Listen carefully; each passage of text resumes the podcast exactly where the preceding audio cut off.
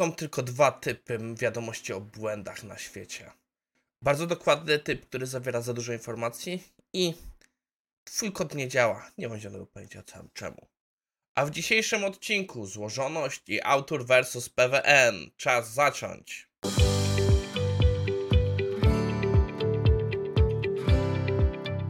W sumie to miało być autor versus PWN, ale Artur też brzmi śmiesznie. E, Cześć, dzisiejszy odcinek jest na 28 listopada 2022, a to jest IT Morning, czyli wasz codzienny zbiór e, ciekawostek i materiałów ze świata IT. Jak widzicie, jestem niewyspany i powiem wam z ciekawości, to jest odcinek nagrywany rano. Jest w tym momencie 7.30, więc zobaczymy, czy uda się odcinek zuploadować do 9. Um, dobra, a żebym to wyrobił, to nie ma co przesadzać. Przechodzimy do naszego pierwszego materiału. I nie przeszło jak należy. Dobra, przechodzimy.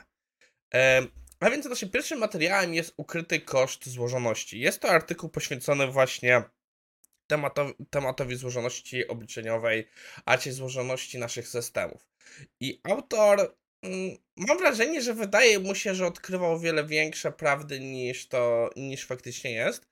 To znaczy od tego, że yy, tak naprawdę prostota rządzi i że uważa, że jest ona niedoceniona. Ja coś się nie zgadzam. Przyznam się szczerze, ciężko mi złoży znaleźć sytuację, gdzie E, rozwiązania proste nie byłyby jakoś doceniane. Bardzo wiele osób jednak wie, widzi to, że te proste rozwiązania są, złożo, są po prostu lepsze, bo są łatwiejsze w utrzymaniu, są prostsze w zrozumienia i mają mniej właśnie różnych case'ów, że coś pójdzie nie tak. Niestety e, prawda jest taka, że proste rozwiązania są bardzo często bardzo drogie, bo mi się bardzo podoba cytat z książki Cel, gdzie autor mówi, że tak naprawdę nazwanie czegoś po prostu tak zwanym common sensem, to jest najwyższym możliwym pochwałą dla ciągu logicznego. Po prostu wyjaśniliśmy coś tak dobrze, że dla wszystkich, którzy to słyszą, no okej, okay, no faktycznie tak jest.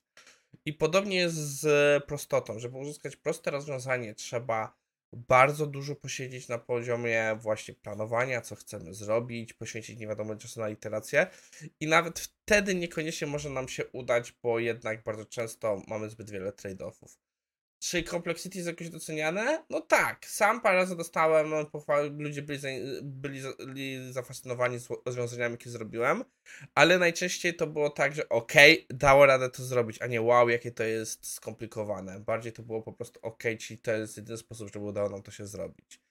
I autor później wchodzi, że tak naprawdę omawiając, że, że złożoność to jest właśnie choroba i że jest to choroba, która może na ci w pewnym skończyć rewritem i podaje nam bardzo prosty system, jak to może nas dobić. W sensie, jak on modeluje złożoność. Że pokazuje nam sytuację, że mamy jeden serwis, drugi serwis, mamy clouda i mamy naszą infrastrukturę CI/CD.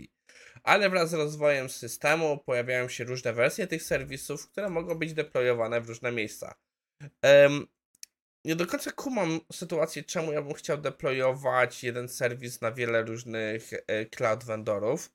E, w sensie inaczej, rozumiem to jako mechanizm awaryjny na wypadek, jakbyśmy mieli problem z jednym z vendorów, ale no, e, wydaje mi się, że to już jest taki poziom skomplikowania, który autor tu niepotrzebnie wchodzi. I teraz e, autor mówi, że tak naprawdę mamy serwis B w wersji pierwszej, w wersji drugiej, co no wiadomo może się wydarzyć, bo z czasem będziemy potrzebować utrzymywać różne wersje, możemy dostarczać to samo rozwiązanie pod parę klientów i każdy z nich może mieć inne, e, e, inną perspektywę na to.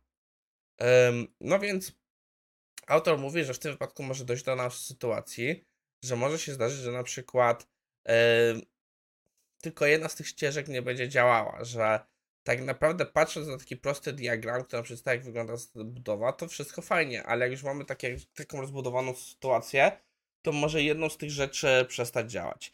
E, nie do końca autor prezentuje rozwiązanie, bo trzeba wiesz sobie zadać pytanie, skąd to się wzięło. Z mojej perspektywy, jeśli mamy coś takiego, to ewidentnie potrzebujemy redundancji, ewidentnie potrzebujemy jakichś innych sytuacji, żeby to zrobić. Lub mamy sytuację taką, że na przykład mamy kraje, gdzie są nam potrzebne inne rozwiązania, że na przykład nie wiem, robimy systemy związane ze sprawdzaniem zdolności kredytowej i na przykład musimy się dostosować do lokalnych praw i system, tak jak nasz działa wszędzie indziej, nie może działać. więc e, może to stąd też wynikać i wtedy no nie wyobrażam sobie, żeby przeniesienie to do kodu było o wiele mniejszą złożonością. Widać, że się nie wyspałem, bo po prostu marudzę bez sensu. W każdym razie autor wchodzi w dyskusję na temat complexity i na koniec nam prezentuje cztery, że mamy złożoność e, systemową, czyli że mamy dużo elementów, to co opisał powyżej. Mamy e, złożoność produktową, że mamy po prostu z perspektywy produktu, on jest skomplikowany e, i jest wiele różnych dziwnych feature'ów, UX-ów i tak dalej. No i standardowo kwestia złożoności organizacji, co jest bardzo dużym bólem często, no i złożoność kodu. Dobra, lecimy dalej. Naszym następnym artykułem jest bardzo intrygująca sytuacja. Michał Zalewski jest e, autorem e, i dość prominentną osobą w polskiej scenie IT. Do tego stopnia, że ma własną nawet stronę na wiki, która pierwszy update miała w 2005. Powtarzam, 2005, czyli to jest ponad 17 lat temu. E, no i autor wydał obecnie swoją nową książkę, Practical Doomsday. Nie miałem jeszcze okazji je zapoznać, ale z tego rozumiem, to jest książka, w której główną właśnie cechą jest narracja poświęcona temu, jak właśnie pewne rzeczy mogą pójść nie tak. I autor e, opowiada o swoich przygodach z PWN-em. E, a dokładniej, on napisał tę książkę po angielsku, I wersja polska była wydana z, z, e, na prawach PWN, w sensie PWN kupił prawo do tłumaczenia książki i jej wydania. I autor dostał jakiś czas temu próbny egzemplarz do przeczytania.